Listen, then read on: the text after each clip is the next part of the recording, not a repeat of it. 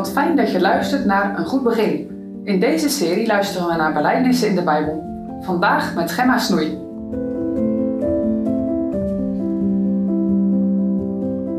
De belijdenis van Isaac. Bidden. We lezen Genesis 25, vers 19 tot 23. Dit nu zijn de geboorten van Isaac, de zoon van Abraham. Abraham gewon Isaac. En Isaac was veertig jaren oud als hij Rebekka, de dochter van Betuel, de Syriër, uit Padan Aram, de zus van Laban, de Syriër, zich tot vrouw nam.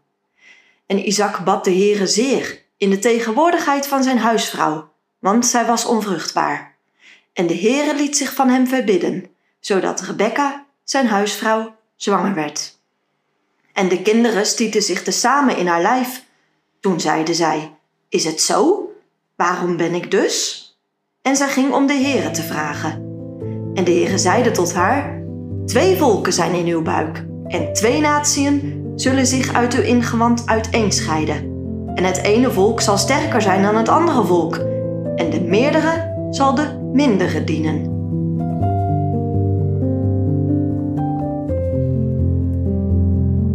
Van de drie aartsvaders, Abraham, Isaac en Jacob, is Isaac het minst bekend. Er staat niet zoveel over hem geschreven in de Bijbel. Uit het weinige dat er wel staat, wordt duidelijk dat Isaac een biddend leven had. De eerste ontmoeting tussen Isaac en Rebekka vindt plaats in een veld. Isaac was daar aan het bidden. In onze dagtekst lezen we ook over het gebed van Isaac.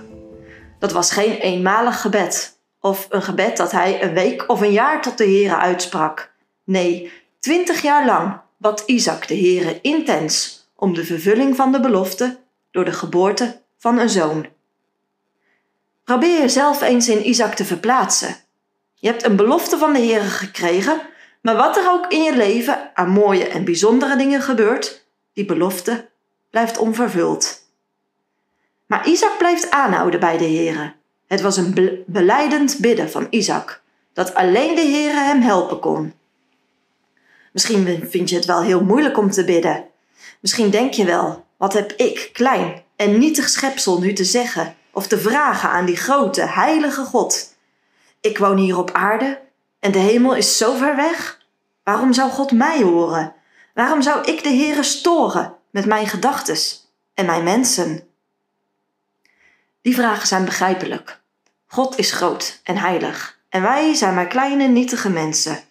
Maar het liefste wat God wil, is de relatie herstellen met zondaren. God wil dat wij Hem eren, dat wij Hem bidden, loven en dienen.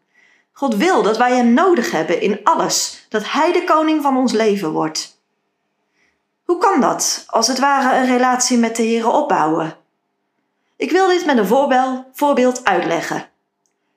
Denk even mee. Je hebt een relatie met je vriend of vriendin en het is je bedoeling en je wens om hem of haar steeds beter te leren kennen.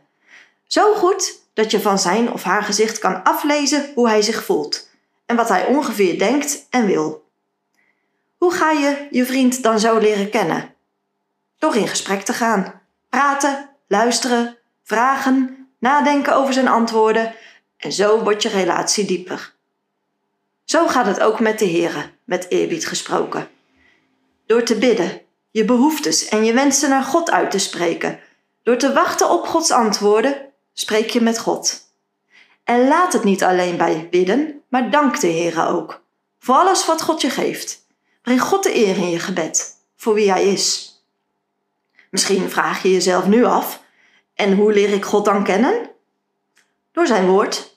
De hele Bijbel staat volgeschreven met geschiedenissen waarin God laat zien wie Hij is, maar waarin Hij ook uitlegt hoe hij gediend wil worden.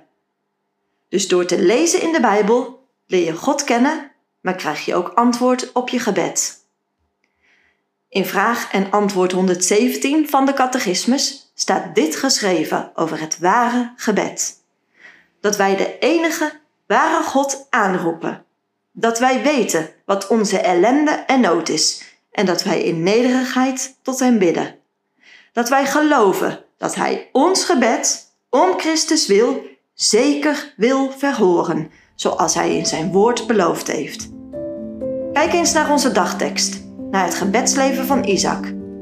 Isaac kende zijn nood, bad tot de enige ware God die hem helpen kon en geloofde dat de Heere zijn belofte zou vervullen. Al biddend beleed Isaac zijn geloof in God. Bid jij zo ook?